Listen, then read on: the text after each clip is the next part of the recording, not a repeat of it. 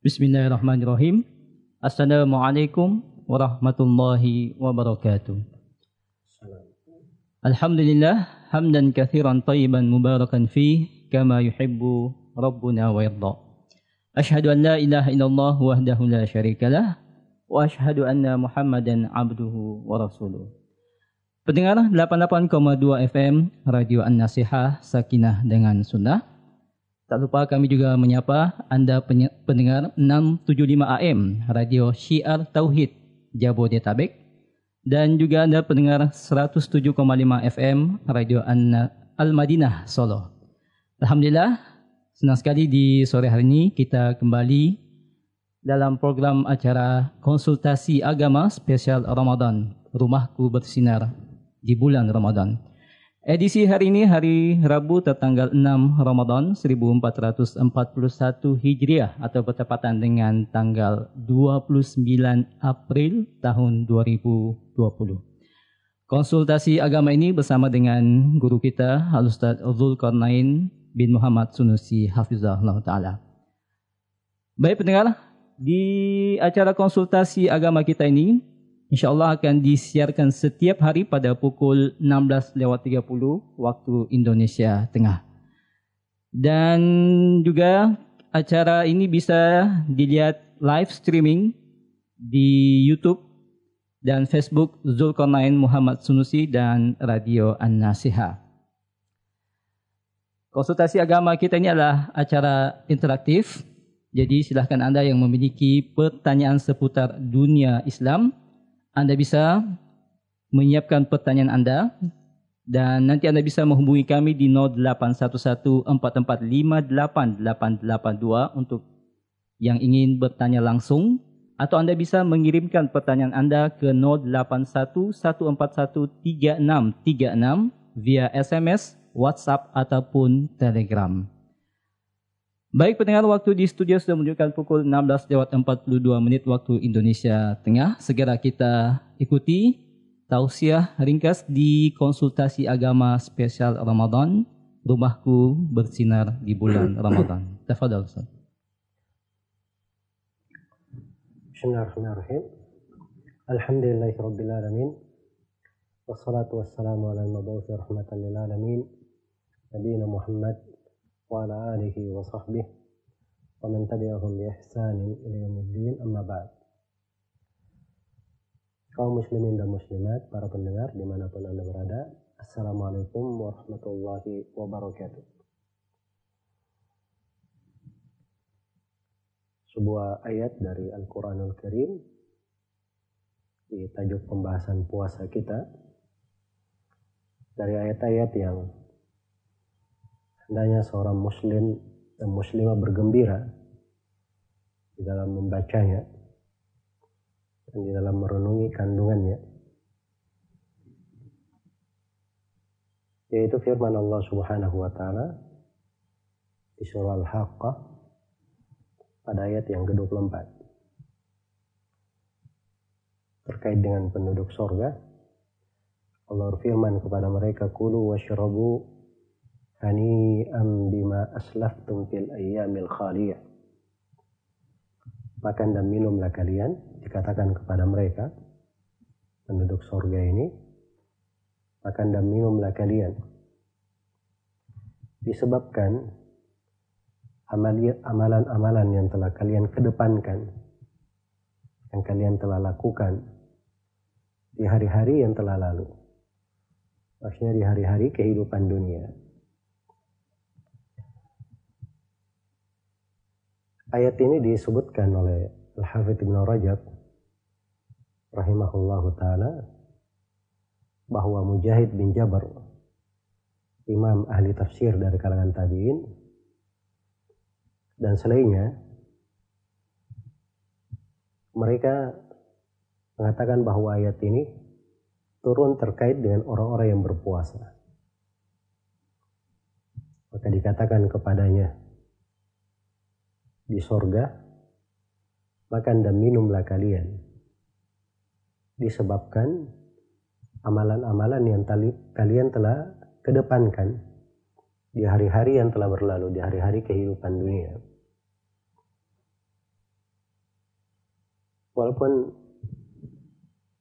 teks ayat lebih umum daripada itu terkait dengan seluruh orang yang melakukan amalan apa saja di kehidupan dunia dari amalan-amalan yang salihah maka dia akan bergembira dengannya pada hari kiamat. Maka ini ayat terdapat di dalamnya beberapa pelajaran yang berharga. Yang pertama terkait dengan puasa. Seorang yang berpuasa ketika dia menahan makan dan minum di kehidupan dunia karena Allah Subhanahu wa taala maka Allah akan mengganti dia akan membalas untuknya sesuai dengan jenis amalan yang dia lakukan. Dia menahan dahaganya, menahan laparnya. Di akhirat kelak dikatakan makanlah minumlah kalian. Disebabkan apa-apa yang kalian telah lakukan. Amalan yang kalian telah kerjakan di hari-hari yang telah berlalu di kehidupan dunia kalian. Iya.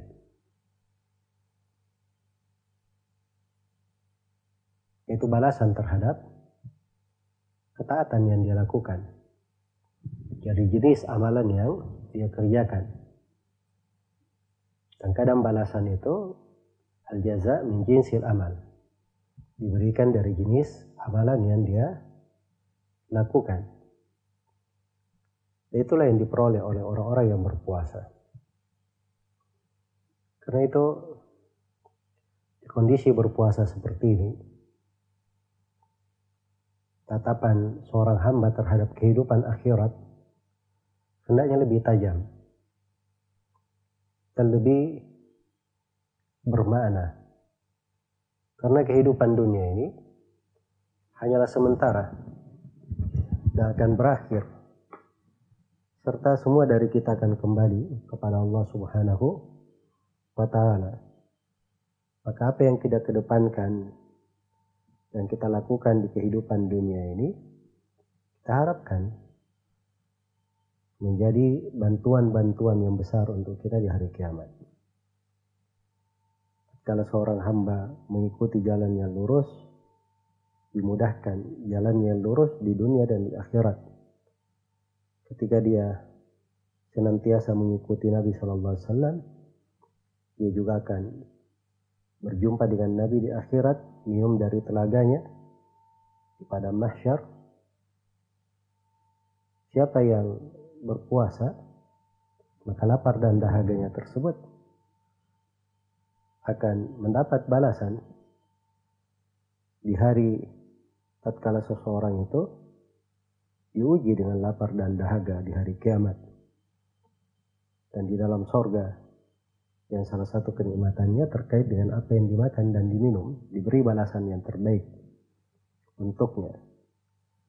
Sebagaimana kalau dia selalu berdiri untuk sholat sholat wajib ataupun dia berdiri di malam hari di tengah kegelapan malam tatkala banyak manusia tidur diharapkan hal tersebut menjadi rahmat baginya kelak di kemudian hari ketika dia berdiri di depan Allah di hari kiamat. Maka ini kebaikan dan ketaatan hendaknya selalu di dalam hati kita dan di dalam benak kita persiapan untuk menghadap kepada Allah Subhanahu wa taala. Peristirahatan yang sebenarnya itu adalah peristirahatan di akhirat. Siapa yang baik beramalnya ketaatannya untuk kehidupan akhiratnya, maka dia dialah yang akan beristirahat di sana. Kemudian para ulama Ibn Rajab, Ibn Rajab rahimahullah menerangkan bahwa orang yang berpuasa itu ada dua tingkatan. Tingkatan yang pertama adalah orang yang menahan makan dan minumnya. Kalau dia meninggalkan sesuatu karena Allah, maka Allah akan ganti dia lebih baik darinya. Dan itu kaidah umum. Karena di dalam Musnad Imam Ahmad dari hadits Abdullah bin Amr bin As dan juga datang dari sebagian sahabat tidak disebut namanya Rasulullah Shallallahu Alaihi Wasallam pernah bersabda innaka lan tad'a syai'an ittiqa Allah illa abdalaka Allahu khairan minhu tidaklah engkau meninggalkan sesuatu karena ketakwaan kepada Allah orang yang puasa dia tidak makan tidak minum karena takwa kepada Allah maka Nabi jamin siapa yang meninggalkan sesuatu karena takwa kepada Allah Allah akan ganti dia dengan hal yang lebih baik dari dia. Itu alhamdulillah terlaksana bagi orang yang berpuasa. Diganti dengan hal yang lebih baik di dunia dan di akhirat. Dan ini tingkatan yang pertama. Dia meninggalkan sesuatu dan mengharapkan ganti dari apa yang dia lakukan. Allah akan membalasnya. Sesuai dengan apa yang dia minta. Tingkatan yang kedua dari orang yang berpuasa adalah orang yang berpuasa dari segala yang selain Allah. Karena itu bukan hanya tercakup dalam makan dan minum saja. Dia menjaga lisannya, tidak berucap kecuali apa yang dicintai dan diridhai oleh Allah saja. Dia gunakan matanya di dalam ketaatan, bahkan dia gunakan kepalanya, gunakan hatinya, dia gunakan perutnya, seluruh anggota badannya hanya pada hal yang dicintai dan diridhai oleh Allah Subhanahu wa taala. Dia berpuasa dari segala hal yang merupakan perkara yang dibenci dan diharamkan oleh Allah Subhanahu wa taala. Dan ini dua jenjang manusia bertingkat-tingkat di dalam mencapainya. Ini keutamaan yang besar bagi orang yang berpuasa. Kulu washrabu hani'an bima aslaftum fil ayyamil khaliyah. Makan dan minumlah kalian dengan penuh kenikmatan. Dengan penuh kesejukan disebabkan karena apa yang kalian telah kedepankan, amalan yang kalian telah kerjakan di hari-hari yang berlalu di kehidupan dunia. Kemudian yang kedua dari ayat ini, ayat ini menunjukkan bahwa di antara amalan-amalan salih ada yang menjadi sebab-sebab yang memasukkan seseorang itu ke dalam sorga. Itu dari sudut sebab. Walaupun hakikatnya dia masuk surga karena keutamaan dan rahmat Allah Subhanahu wa taala. Karena itu di dalam sahih Bukhari dan Muslim dari Aisyah radhiyallahu taala anha Rasulullah sallallahu alaihi wasallam bersabda, "La yudkhil ahadan minkumul jannah amaluh." Tidaklah salah seorang di antara kalian itu dimasukkan ke dalam sorga oleh amalannya. Maka para sahabat berkata, Ya Rasulullah, wala anta ya Rasulullah, tidak pula engkau ya Rasulullah, kata Nabi, wala ana. Tidak pula saya, kata Nabi, illa ayatagammana diyallahu bi rahmatin minhu wa, wa magfirah. Tidak pula saya, tetapi Allah subhanahu wa ta'ala meliputiku dengan rahmat dan pengampunannya. Iya. Jadi maksudnya, yang memasukkan seorang itu ke dalam sorga itu adalah semata keutamaan rahmat dan kebaikan dari Allah. Adapun amalan bukan itu yang memasukkan itu sorga, tapi amalan adalah sebab yang menyebabkan dia dirahmati oleh Allah, diridhai oleh Allah, diberi pengampunan. Nah, dengan sebab itu dia dimasukkan ke dalam sorga. Karena itu di dalam Al-Quran dikatakan terkait dengan penduduk sorga Wanudu antil kumul jannatu tumuha bima kuntum ta'malun. Dan dipanggillah penduduk sorga, diumumkan kepada mereka. Itulah sorga yang kalian warisi, disebabkan karena amalan kalian. Dan di surah yang lain, Watilkal jannatul lati uristumuha bima kuntum ta'malun. Itulah sorga yang kalian warisi, disebabkan karena amalan-amalan kalian. Walladina amanu wa amilus salihat, lanabawi annahum minal jannati ghurafa tajri min tahtiha al-anharu khalidina fiha ni'ma ajrul amilin. Alladzina sabaru wa ala rabbihim yatawakkalun. Orang-orang yang beriman dan beramal salih kami akan siapkan untuk mereka kamar-kamar di sorga-sorga yang mengalir di bawahnya sungai-sungai. Mereka kekal di dalamnya. Mereka kekal di dalamnya. Dan itu adalah sebaik-baik pahala orang yang beramal yaitu orang-orang yang bersabar lagi selalu bertakwa selalu bertawakal kepada Allah Subhanahu wa taala. Karena itulah ini adalah kesempatan di hari-hari kehidupan kita untuk mempersiapkan amalan.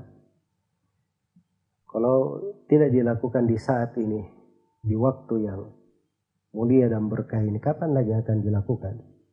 Umur terus bergulir, kehidupan terus berjalan, mengalir, tidak ada yang bisa menghentikannya. Sedangkan nyawa, ajal adalah kepastian yang sudah ditentukan oleh Allah Subhanahu wa taala akan datang masa dan waktunya untuk setiap hamba. Karena itu hendaknya kita bersyukur kepada Allah atas segala karunia dan nikmat dan kita banyak bertawakal kepadanya. Kemudian kita gunakan dari waktu hari-hari kehidupan dengan hal yang paling memakmurkan umur dan kehidupan itu yang paling mendekatkan kita kepada Allah Subhanahu wa taala dan lebih mengantar kita kepada surganya. Semoga Allah Subhanahu wa taala mengampuni kita semua dan mengumpulkan kita semua kelak di kemudian hari di rumah kemuliaannya di dalam surganya. Innahu waliyyu wal qadiru alaih wallahu taala alam. Baik pendengar, demikian tadi tausiah dari Al-Ustaz Zulkarnain Hafizahullah Ta'ala di edisi konsultasi agama kita hari ini hari Rabu 6 Ramadan 1441 Hijriah. Selanjutnya kita masuk ke sesi tanya jawab silahkan Anda yang memiliki pertanyaan, Anda bisa menghubungi kami di 081144588882 untuk Anda yang ingin bertanya langsung.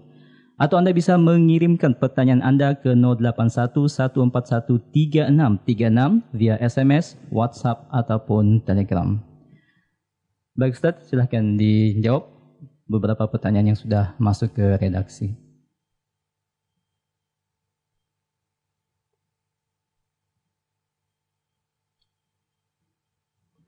Baik, ini ada yang bertanya terkait dengan masalah pahala dilipat gandakan di bulan Ramadan.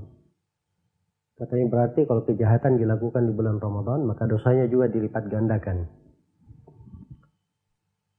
Ya jawabannya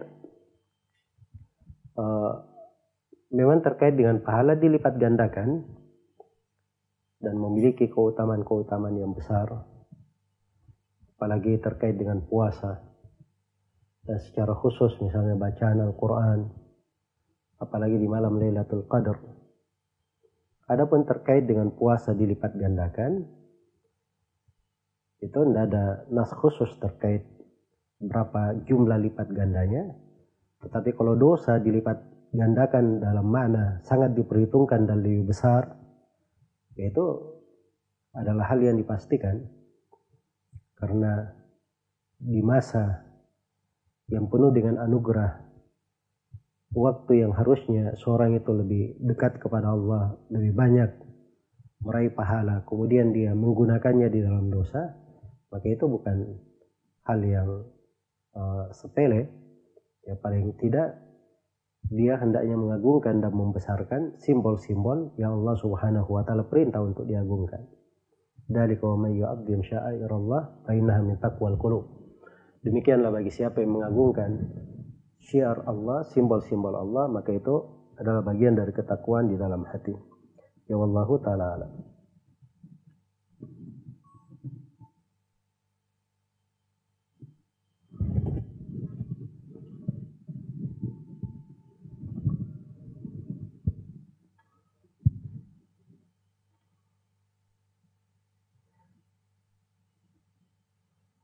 Bolehkah mengqadha niat sholat malam dengan sholat witir, kemudian setelah salam bangkit lagi untuk mengerjakan satu rakaat?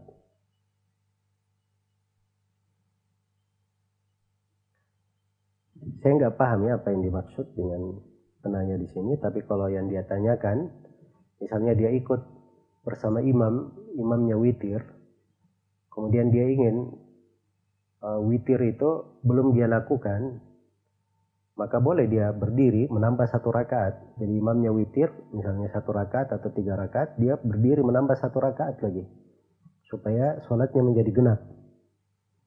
Ya, dan dia belum witir. Nanti kalau dia bangun lagi di akhir malam, boleh dia menutup sholatnya dengan witir.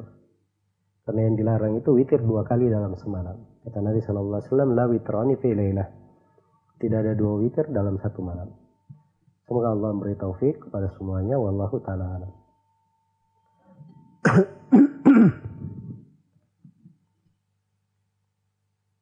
Ah, Ustaz, ada penelpon yang masuk, bisa kita angkat? Baik, silakan.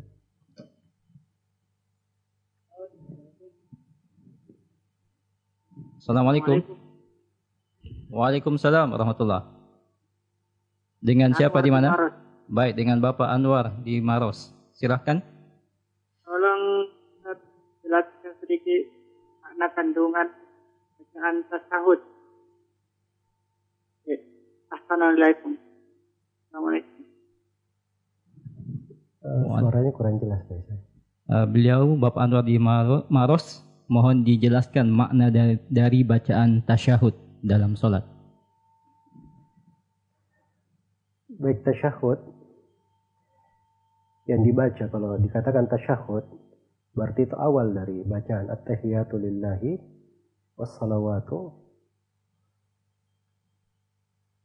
Assalamu alayka ayuhan nabi wa rahmatullahi wa barakatuh. Assalamu alayna wa ala ibadillahi salihin. Asyhadu an la ilaha illallah wa asyhadu anna muhammadar rasulullah. Sampai situ bacaan yang dimaksud dengan tasyahud. Iya. At-tahiyat itu adalah tahiyat yang pujian, sanjungan yang diberikan untuk Allah. Demikian pula salawat untuk Allah Subhanahu wa taala. Kemudian dia memberi salam kepada Nabi dan kepada hamba-hambanya yang salih. Iya. Dan ini uh, memang teksnya seperti itu diajarkan dan berlaku hingga setelah Nabi Shallallahu Alaihi Wasallam meninggal. Karena Allah karena uh, Rasulullah Shallallahu Alaihi Wasallam mengajarkannya seperti itu. Dan Umar bin Khattab membaca teks tasyahud dengan Assalamu alaikum ayuhan Nabi. Itu di atas mimbar dan didengar oleh para sahabat. Tidak ada yang mengingkarinya. Menunjukkan hal tersebut masih berlaku. Ya maka hikmahnya karena orang yang berselawat itu ketika dia berselawat kepada Nabi, memberi salam kepada Nabi, jadi dari keutamaan yang besar. Seakan-akan dia berselawat langsung. Sampai di sebagian riwayat dikata, diterangkan, itu seperti Nabi dikembalikan ruh kepada dirinya lalu dia menjawab selawat tersebut. Kemudian dia bersyahadat, dia bersyahadat dengan uh, dua kalimat syahadat di akhir tasyahudnya, yang selalu yang dengannya dia selalu mengikrar keislamannya dan selalu mengikrar ketauhidannya dan selalu menyatakan akan uh, persaksiannya di dalam agama ini beribadah hanya kepada Allah semata dan mengikuti Rasulullah Sallallahu Alaihi Wasallam. Baik itu secara ringkas hal yang bisa diterangkan terkait dengan tasyahud. Wallahu taala.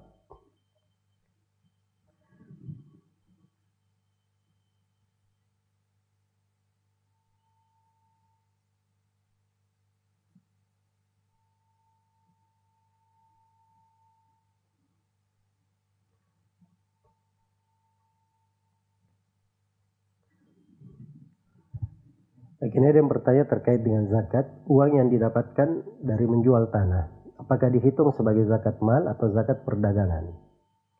Atau langsung dikeluarkan sebagai pembayaran yang diterima dan menunggu haul? Jadi tanah itu kalau dia sudah menjualnya, kapan dia niat mau menjualnya, maka itu sudah awal waktu hitungan zakat. Misalnya saya punya tanah, uh, di bulan Muharram, saya sudah berniat untuk menjualnya. Iya. maka terus berjalan. Di bulan uh, Dhul Hijjah ada yang membelinya. Terus saya pegang harganya. Masuk bulan Muharram, maka ini sudah terhitung satu tahun. Dia keluarkan zakatnya. Dia keluarkan zakatnya. Demikian pula kalau misalnya saya beli tanah bulan Muharram, terus laku di bulan Safar, terus saya beli lagi di bulan Rabiul Awal, saya jual lagi di bulan Rabiul Tsani, masuk Ramadan, terus saya bertransaksi sampai di Muharram. Maka seluruh transaksi saya sampai ke Muharram terkait dengan tanah itu dari keuntungan dan hasilnya juga bersama modalnya itu masuk di dalam harta yang dikeluarkan zakatnya. Jadi demikian ketentuannya secara umum. Semoga Allah memberi taufik kepada semuanya. Wallahu taala alam. Afonsan ada penelpon selanjutnya? Baik, saya. Assalamualaikum. Waalaikumsalam warahmatullahi wabarakatuh. Baik, dengan Bapak siapa di mana? Ya, halo. Mas. Ya, silakan Bapak pertanyaannya. Eh, Semoga Allah SWT merahmati kita serta keluarga di seluruh dunia yang bantu. Ya, Eh, Ini terkait eh, yang mana lebih utama mendahulukan mengawal waktu kan sangat wajib. Sekarang berjasa sama keluarga kami tertunda karena eh, sebuah keluarga di sini sering mengambil waktu sholat dan eh, itu dengan menunjuk seperti itu. Kasusnya kebiasaan ini berbahaya sampai dilakukan terhadap saya sendiri. halo.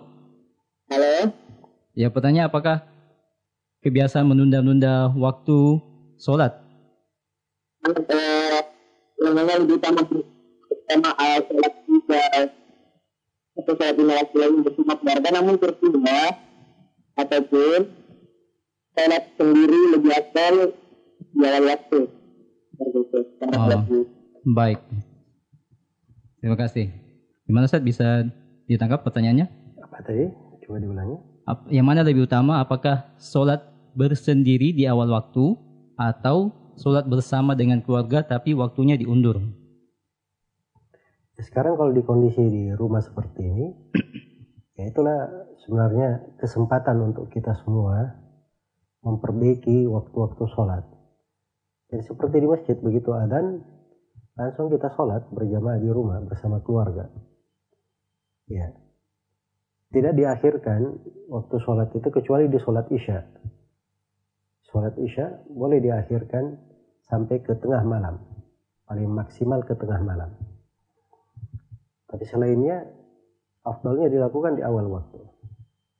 Kalau misalnya ada kesibukan di tengah keluarga dan seterusnya, tetap melakukannya secara berjamaah itu lebih afdal daripada sholat sendiri di awal waktu. Karena sholat berjamaah itu, itu dilipat gandakan 27 derajat di atas sholat sendirian. Dan banyak hadith-hadith tentang keutamaan sholat berjamaah. Semoga Allah memberi taufik kepada semuanya. Wallahu ta'ala alam. Baik, di sini ada yang bertanya, saya mengaji namun bacaan saya belum benar atau belum sesuai makhraj. Apakah saya berdosa? Lalu lebih utama mana membenarkan dulu bacaan saya atau memperbaiki hafalan surah tapi bacanya belum benar? Ya pertama ini sekarang masalah mengaji, memperbaiki makhraj. Ini bukan masalah kayak tempo dahulu. Orang sulit mencari guru, sulit pergi eh, apa namanya belajar dan seterusnya. Karena sekarang ada orang-orang yang bisa mengajarinya di mana-mana. Ada fasilitas-fasilitas yang lengkap bisa didapatkan secara online dan seterusnya untuk memperbaiki makhrajnya, memperbaiki bacaannya. Iya. Dan itu bisa dia pelajari dalam beberapa hari. Bahkan sebagian orang kadang ada dalam sehari dia bisa memperbaiki untuk hal tersebut. Maka jangan dia luputkan. Apalagi kesalahan di dalam makhraj itu itu merubah huruf. Kalau terkait dengan Al-Fatihah, itu bisa membatalkan bacaan surah Al-Fatihahnya. Ya. Makanya dia harus serius di dalam hal ini. Kalau misalnya dia eh, belum sempat dan seterusnya, maka dia lakukan sesuai dengan kemampuannya. Ya. Kalau dia misalnya ada udur sehingga dia belum bisa sampai sekarang untuk membaca dengan baik. Paling tidak kalau dia belajar, dia baca Al-Fatihah, yang paling pokok dia luruskan Al-Fatihahnya. Kemudian setelah itu paling minimal satu surah bersamanya. Dan bisa dia baca bersama Al-Fatihah di dalam sholatnya. Iya.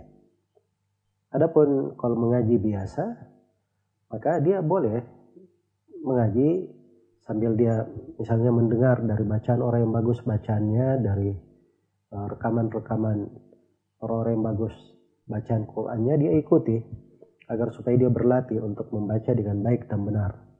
Dan kalau seorang bertakwa kepada Allah sudah maksimal sesuai dengan kemampuannya, maka Allah Subhanahu wa taala tidak melantarkan hal tersebut. Apalagi dalam Al-Qur'an Allah telah berfirman, "La yukallifullahu nafsan illa wus'aha." Allah tidak membebani seorang kecuali sesuai dengan kemampuannya. Semoga Allah memberi taufik kepada semuanya wallahu taala alam.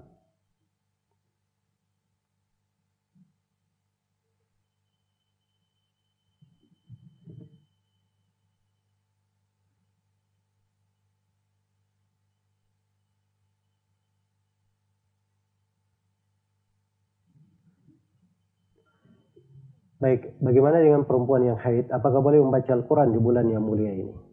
Ya jawabannya boleh ya. Nah ini kesempatan. Ya bulan ini adalah kesempatan untuk laki-laki dan perempuan. Termasuk perempuan yang haid. Dia boleh membaca dari hafalannya. Dia boleh membaca dengan melihat dari mushaf di HP-nya misalnya. Yang dilarang itu dia pegang mushaf. Dia pegang mushaf Al-Quran lembaran-lembarannya itu yang dilarang. Adapun kalau dia megang dari HP, HP itu bukan dihukum mushaf. Nah, apa dia baca? Dia baca dari hafalannya juga tidak ada masalah. Dia baca dari hafalannya. Iya. Karena Nabi Shallallahu Alaihi Wasallam dikatakan oleh Aisyah karena yadkurullah ala kulli ahyani. Beliau berzikir kepada Allah di segala keadaannya.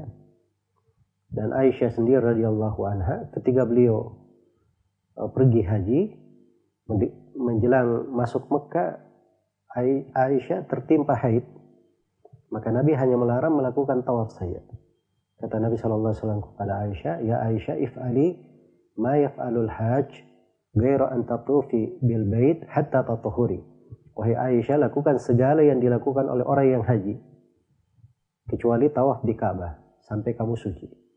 Orang yang haji itu ya pekerjaannya bukan cuma tawaf saja bukan cuma sa'i ya dia juga ada dikir-dikir ada bacaan-bacaan dan disyariatkan dia membaca dan berlaku dan berbuat dari amalan salih termasuk membaca Al-Quran. Andai kata itu dilarang oleh Nabi secara mutlak, maka Nabi akan mengingatkannya, akan memperkecualikannya. Ini di antara dalil-dalil yang menunjukkan kebolehannya untuk perempuan dengan ketentuan yang saya sebutkan tadi. Dan itu memang ada silam pendapat di negara para ulama apa yang saya terangkan, insya Allah itu pendapat yang lebih dekat dan lebih kuatnya. Wallahu ta'ala alam.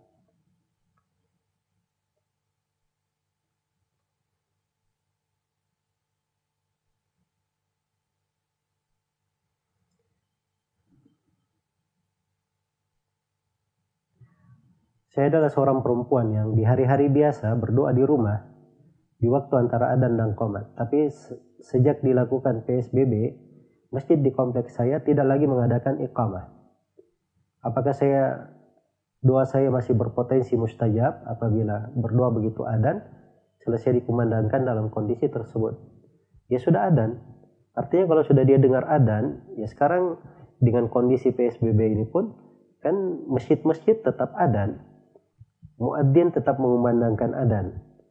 Ya, hanya saja muadzinnya dia sholat di rumah sebagaimana orang-orang lain sholat di rumah. Karena adan itu simbol keislaman, harus di, dikumandangkan. Dan itu adalah sebab keberkahan di sebuah negeri. Jadi kumandangkan adannya. Dikumandangkan adannya. Jadi kalau sudah adan, ya berarti dia sudah terbuka waktu antara adan dan komat.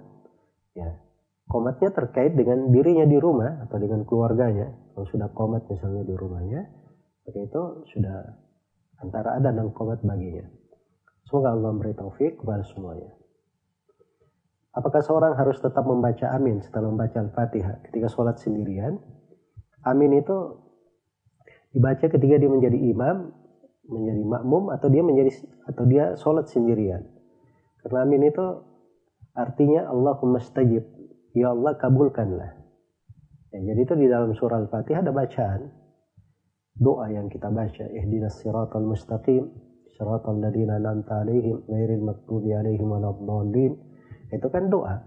Jadi kalau dia membaca amin, dia mohon kepada Allah supaya dikabulkan doanya. Itu adalah hal yang baik. Semoga Allah memberi taufik kepada semuanya. Saya memiliki kebiasaan tidur pagi. Saya sangat ingin meninggalkannya, tapi sangat sulit. Mohon nasihatnya. Ya memang merubah kebiasaan itu dari hal yang berat.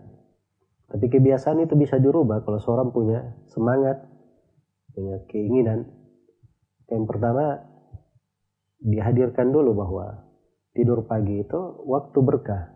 Rugi dia tidur pagi. Kemudian yang kedua dia baca riwayat-riwayat dan hadith-hadith tentang keutamaan orang yang menghidupkan paginya. Ya, dengan uh, kegiatan apa pun. Dan lebih bagusnya dengan dikir, ketaatan agar supaya diawali awal harinya dengan hal yang membawa keberkahan, hal yang dicintai dan diridhai oleh Allah Subhanahu wa taala. Kemudian yang ketiga, banyak hal yang bisa dia lakukan. Kalau misalnya dia sudah ngantuk pagi, dia bawa dia berjalan-jalan misalnya di dalam rumahnya ya selama setengah jam atau dia melakukan kegiatan-kegiatan bersih-bersih di rumah, dia lakukan aja selama sepekan, maka akan berubah kebiasaannya.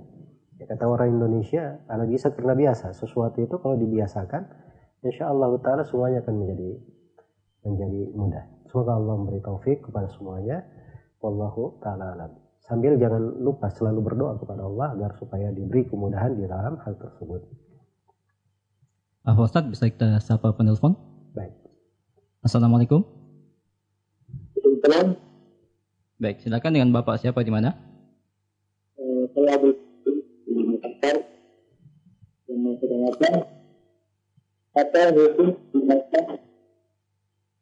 hukum eh, berpuasa. Itu eh, umur istri dengan cara tidak eh, berkaitan kita ada terasa.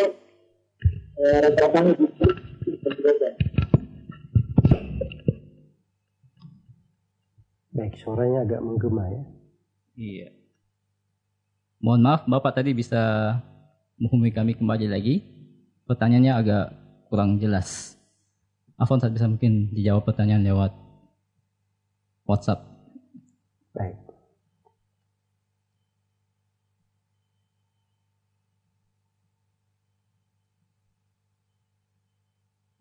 Apakah boleh memberi sedekah kepada orang yang tanpa jelas melakukan perbuatan dosa? Misalnya merokok, mencukur habis jenggot.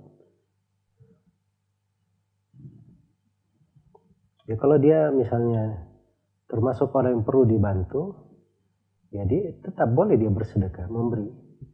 Karena orang yang berbuat dosa itu juga dari orang-orang yang diharapkan dia bisa berubah, dia bisa kembali kepada kebaikan dengan perbuatan baik yang diberikan, barangkali hal tersebut bisa menjadi sebab dia uh, berbuat baik pula.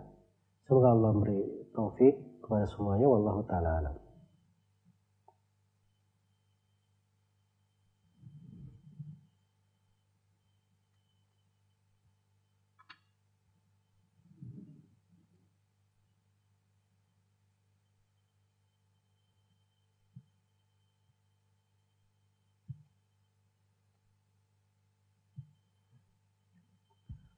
Baik seorang akhwat pernah berjanji kepada seorang ikhwan untuk menikah jika nantinya sudah siap.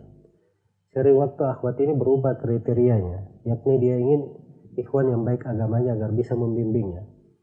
Sekarang orang yang pertama yang menunggu uh, sudah siap apa yang dia lakukan? Apakah dia membatalkan janjinya?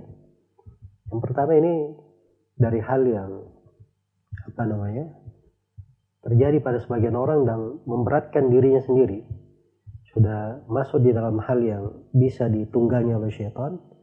Janji berjanji antara dua orang yang tidak ada ikatan apa pun itu dari sebab syaitan bisa bermain di dalamnya. Memberikan hal-hal yang tidak baik bagi seorang. Kapan seorang itu dimudahkan untuk menikah sudah ada jalur untuk hal tersebut misalnya kemudahan dia lakukan. Kalau belum ada kemudahan dia bilang tidak dan jangan dia memberikan janji itu pada dasarnya kemudian yang kedua dari apa yang disebutkan di sini itu tidak ada ikatan dalam hal ini kalau dia ingin membatalkan dia lihat apa yang paling maslahat untuk hidupnya, apa yang paling berguna untuk kehidupannya. Itu harusnya yang dia lakukan. Hanya saja memang hubungan antara manusia itu ada tata kerama, ada hal-hal yang hendaknya dipelihara, dijaga. Ya mungkin di dalam uh, suatu bentuk dari akhlak ada memberikan sebuah alasan yang bagus kepada orang tertentu agar supaya uh, tidak menimbulkan uh, luka pada siapa pun di dalam setiap hal yang kita lakukan. Semoga Allah memberi taufik kepada semuanya. Wallahu ta'ala alam.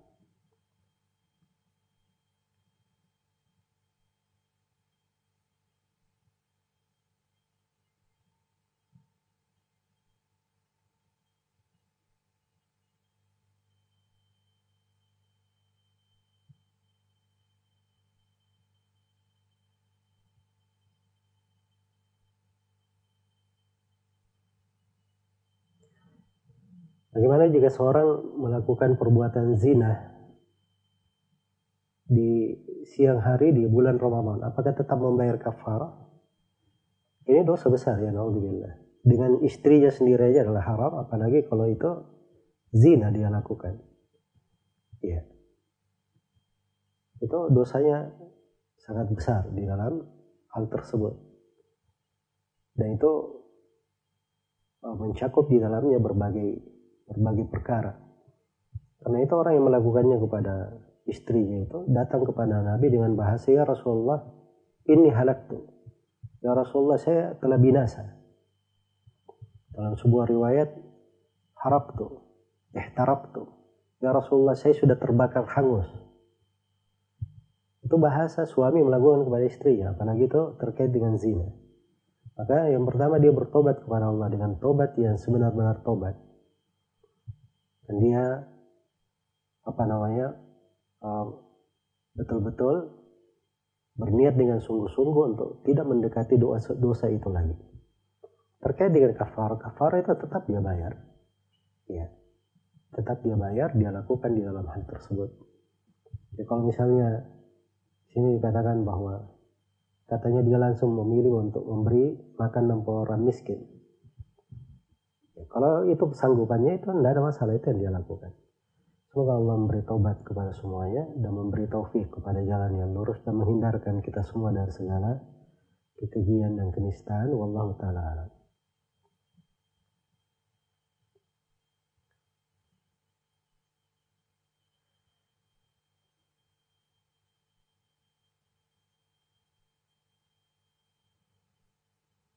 Apakah fidyah tetap syah? Kalau misalnya kita membeli makanan atau pesanan, lalu diberi kepada orang miskin, nah masalah dia mau buat sendiri atau dibuatkan oleh orang lain, dia beli makanan siap saji, yang penting mencocoki kriteria, tidak kurang dari dua telapak tangan orang biasa jumlah makanan yang diberikan. Semoga Allah memberi taufik kepada semuanya.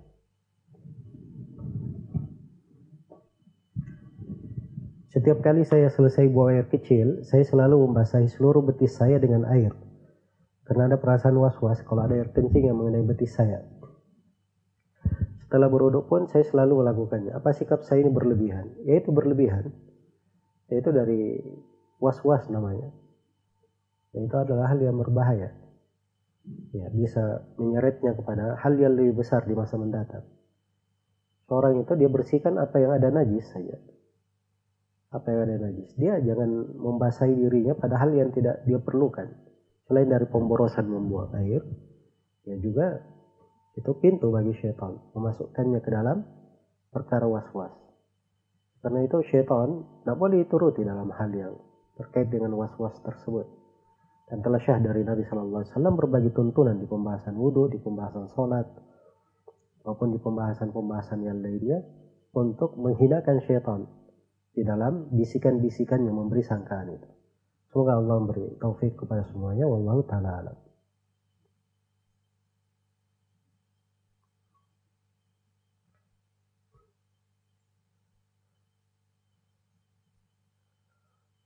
Begini pertanyaan dari Nunukan. Uh, perempuan haid apakah bisa melanjutkan bacaan Al-Qur'annya yang sudah dia rutinkan selama Ramadan dengan maksud menyelesaikan target khatam Al-Quran di bulan Ramadan? Jawabannya boleh, sebagaimana kita telah terangkan tadi.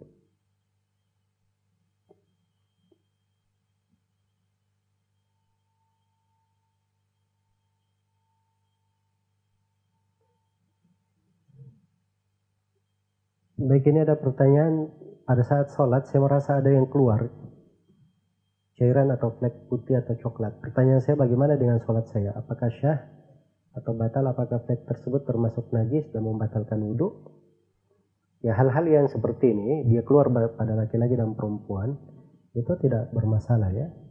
Itu bukan hal yang berbahaya. Jangan uh, menganggapnya sebagai perkara yang mengganggu sholatnya. Semoga Allah memberi taufik kepada semuanya. Wallahu ta'ala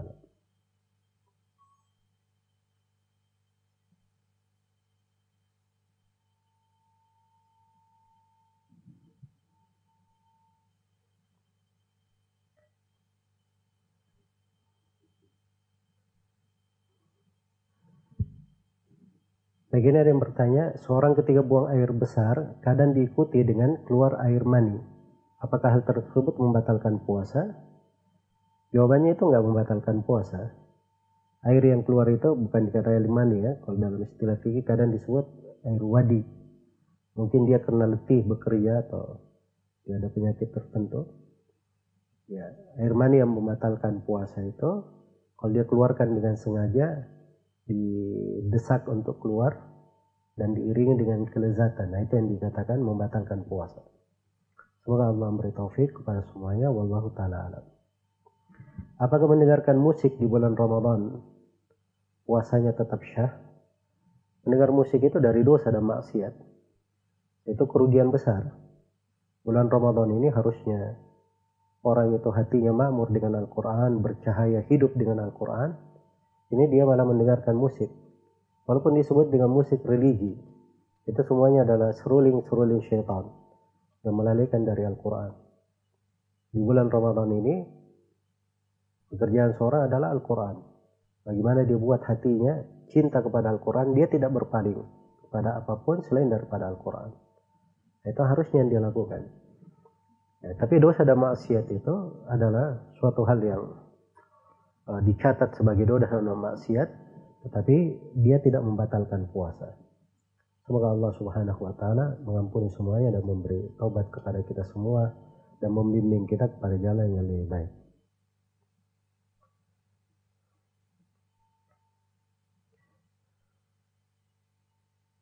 Baik, saya baca dua pertanyaan terakhir. Apakah sholatnya suami dengan istri tidak terhitung berjamaah? Karena saya mendengar bahwa berjamaah itu dua orang laki-laki dewasa atau lebih.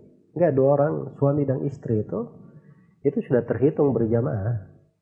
Nah, itu disebut oleh para ulama di buku-buku fikih, termasuk Ibnu Qudama dalam Al-Mughni menyebutkan bahwa apabila seorang suami sholat bersama istrinya, maka itu sudah syah sebagai sholat berjamaah.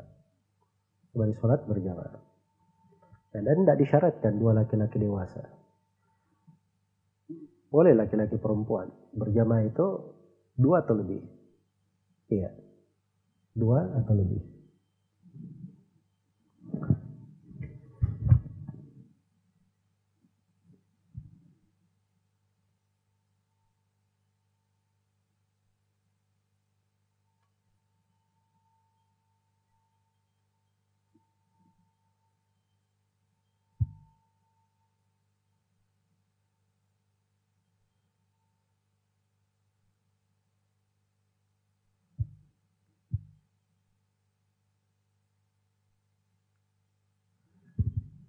Di rumah saya saya selalu sebagai imam tarwih.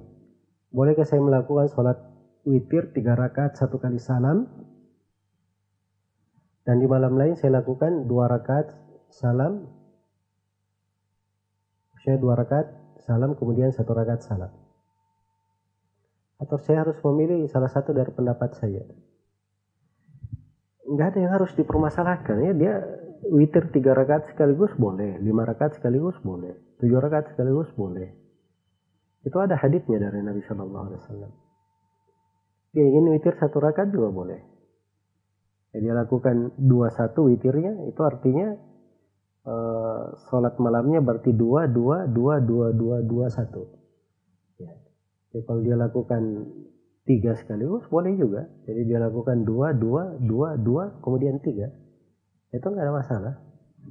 Iya. Jangan terlalu uh, memperkencang hal-hal yang diberi keluasan di dalam syariat kita. Semoga Allah memberi taufik kepada semuanya.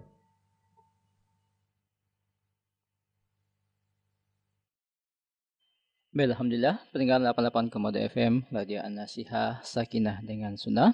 Dan Anda pendengar 675 AM, Radio Syiar Tauhid Jabodetabek. Dan juga Anda pendengar 107,5 FM, Radio Al-Madinah Solo. Dan tak lupa pendengar via streaming, YouTube Zulkarnain dan Radio An-Nasihah. Demikianlah konsultasi agama kita di sore hari ini di edisi 6 Ramadan 1441 Hijriah atau bertepatan dengan tanggal 29 April 2020. Kami mohon maaf atas banyaknya pertanyaan yang sudah masuk namun belum sempat dijawab di konsultasi kita pada hari ini. Insya Allah Anda bisa mengirim ulang pertanyaan Anda besok di pukul yang sama pada jam 16 lewat 30 waktu Indonesia Tengah. Dan untuk Anda pendengar yang mungkin baru saja bergabung dan ketinggalan dari mendengarkan konsultasi kita pada sore hari ini, Anda bisa mendengarkan ulang besok di dini hari pada pukul 3 lewat 30 menit waktu Indonesia Tengah atau pukul 2 lewat 30 waktu Indonesia Barat.